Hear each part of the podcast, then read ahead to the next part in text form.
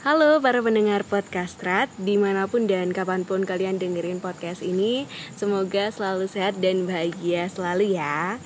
Dan kali ini dengan aku Ivi Kita bakal ngobrol-ngobrol mengenai kebebasan berekspresi. Nah tentunya aku nggak sendiri Kali ini aku ditemani sama Mas Adil. Langsung aja kita sapa ya. Halo Mas Adil. Halo teman-teman. Kenalin aku Adil Aku dari Perhimpunan Pers Mahasiswa Indonesia Dewan Kota Yogyakarta atau PPMI panggil aja aku Adil. Oke Mas Adil ini uh, di PPMI jadi apa sih Mas? Kalau boleh tahu nih biar teman-teman juga kenal sama Mas Adil. Oh, jadi aku di PPMI di di bagian advokasi dan juga jaringan kerja teman-teman untuk periode tahun 2020 2022 gitu. Oke, jadi gini Mas, karena mungkin uh, Mas Adil ini kan fokusnya ke PPMI ya Mas. PPMI itu kan uh, ya seperti kita tahu dia kan perhimpunan pers ya Mas dan media. Mungkin nanti kita fokus saja kebebasan berekspresi di media dan pers gitu ya Mas Adil ya. Nah, mungkin uh, ini aja mas. Beberapa kasus ini kan banyak yang mencuat ya mas. Seperti di kemarin BEM UI yang sempat dipanggil rektorat gara-gara mereka apa ya mengemukakan uh, kebebasan ekspresinya tentang the king of lip service gitu. Dan itu kan jadi sinyal ya mas kalau misalnya kebebasan berekspresi ini belum berjalan dengan baik gitu. Nah kalau dari pandangan Mas Adil sendiri, uh, gimana sih Mas kebebasan berekspresi di lingkup media dan pers se apa ya sepemahaman Mas Adil dan juga sepengalamannya Mas Adil gitu.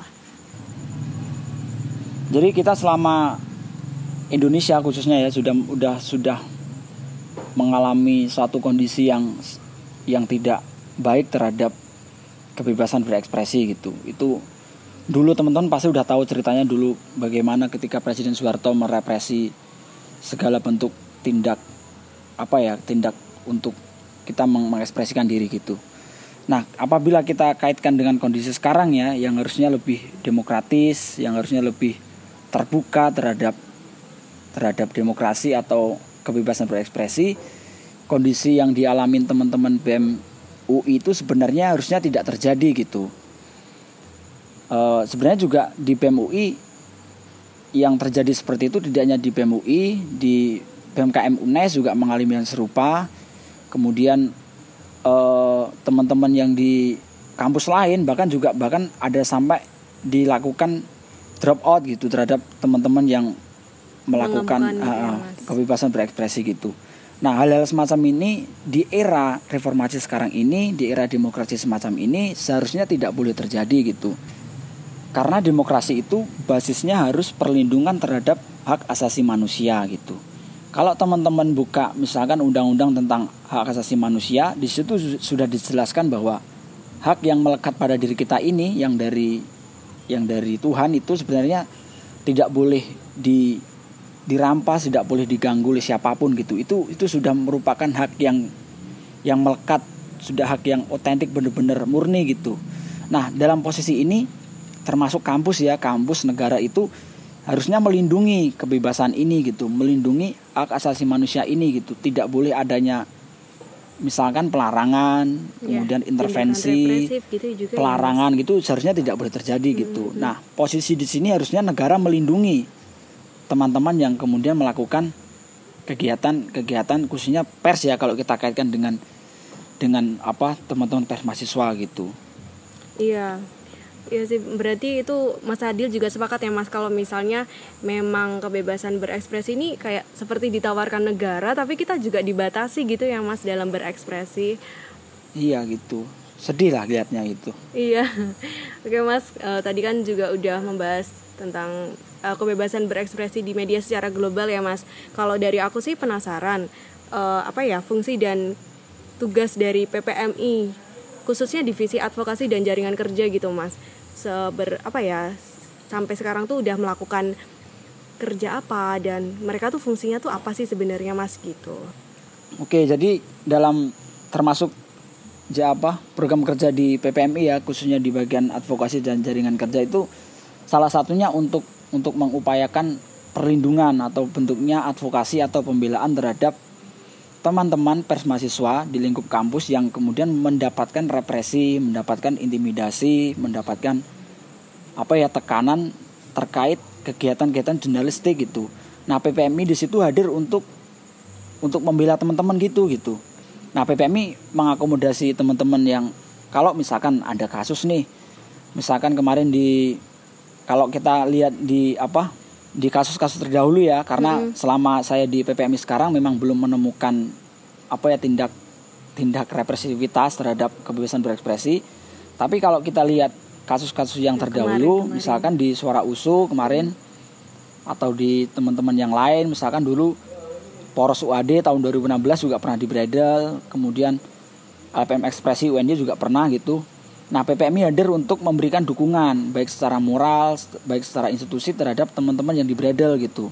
Itu bisa bentuk pernyataan sikap terhadap tindakan yang dilakukan oleh pihak kampus terhadap kegiatan jurnalistik teman-teman di LPM gitu.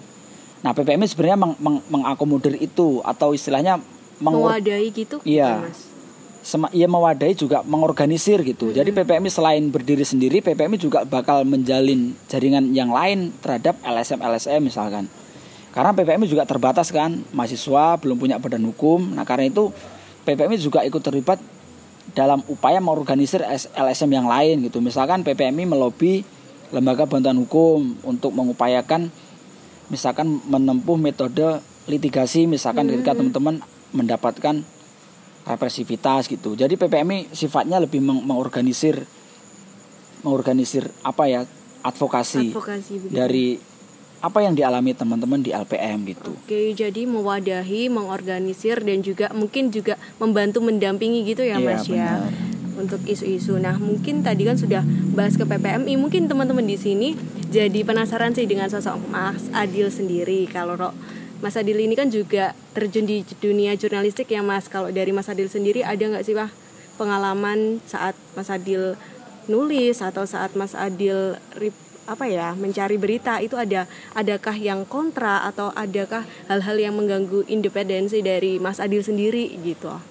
Ya oke. Okay. Uh, eh, jadi aku nambahin dikit ya yang tadi yang di PPMI ya termasuk okay. kalau kita kontekskan ya selama saya di PPMI sekarang karena saya masuk PPMI kemudian juga ada persoalan baru di yang dialamin warga Wadas itu PPMI juga ikut terlibat dalam mengorganisir teman-teman LPM di Jogja untuk ikut terlibat dalam mengadvokasi kasus di Wadas gitu. Misalkan dalam bentuk pemberitaan gitu. Jadi teman-teman di Jogja kita koordinir nih siapa yang mau ikut ngawal isu ini. Besok nanti kita berangkat jam berapa, kita mau bahas dari angle yang mana gitu. Itu PPMI ikut terlibat dalam meng mengorganisir teman-teman persma gitu dalam hal advokasi tadi gitu. Jadi PPMI juga tidak hanya mengadvokasi internal PPMI alias LPM, kita juga ikut terlibat dalam mengadvokasi isu-isu yang terjadi di masyarakat gitu. Iya. Dengan Dan, sifatnya kolaboratif. Iya, sifatnya kolaboratif. Jadi apa ya? Mungkin bagi LPM LPM yang menjadikan isu itu menjadi perhatian bersama gitu ya Mas, kita jadi wadahnya gitu bukan Mas? Iya, benar banget. Itu itu salah satunya ya. Kemudian kita kan disangka juga kerjasama kan gitu jadi teman-teman misalkan dari lembaga bantuan hukum atau LSM yang lain juga butuh teman-teman permahasiswa nah permahasiswa melalui PPMI ikut hadir mengadvokasi demikian hmm. juga ketika PPMI ada masalah kita juga bakal melibatkan mereka gitu jadi ini satu kesatuan yang iya. utuh dalam yeah. upaya untuk apa ya memastikan uh, keadilan bisa di diakses semua orang gitu nah kalau pengalamanku sendiri itu bisa ada banyak ini ya banyak macam ya banyak rupa gitu khususnya dalam hal mengganggu independensi ya yeah, dulu mungkin. sebelum aku di PPMI juga beberapa aktif ikut mengadvokasi tapi dalam bentuk pemberitaan gitu karena reporter kan sekaligus berpihak ya tentu berpihak kepada kelompok yang rentan, rentan. gitu minoritas begitu ya iya. mas ya nah salah satu waktu aku liputan gitu di salah satunya di Gunung Kidul ya ada satu polemik antar agama begitu jadi di sana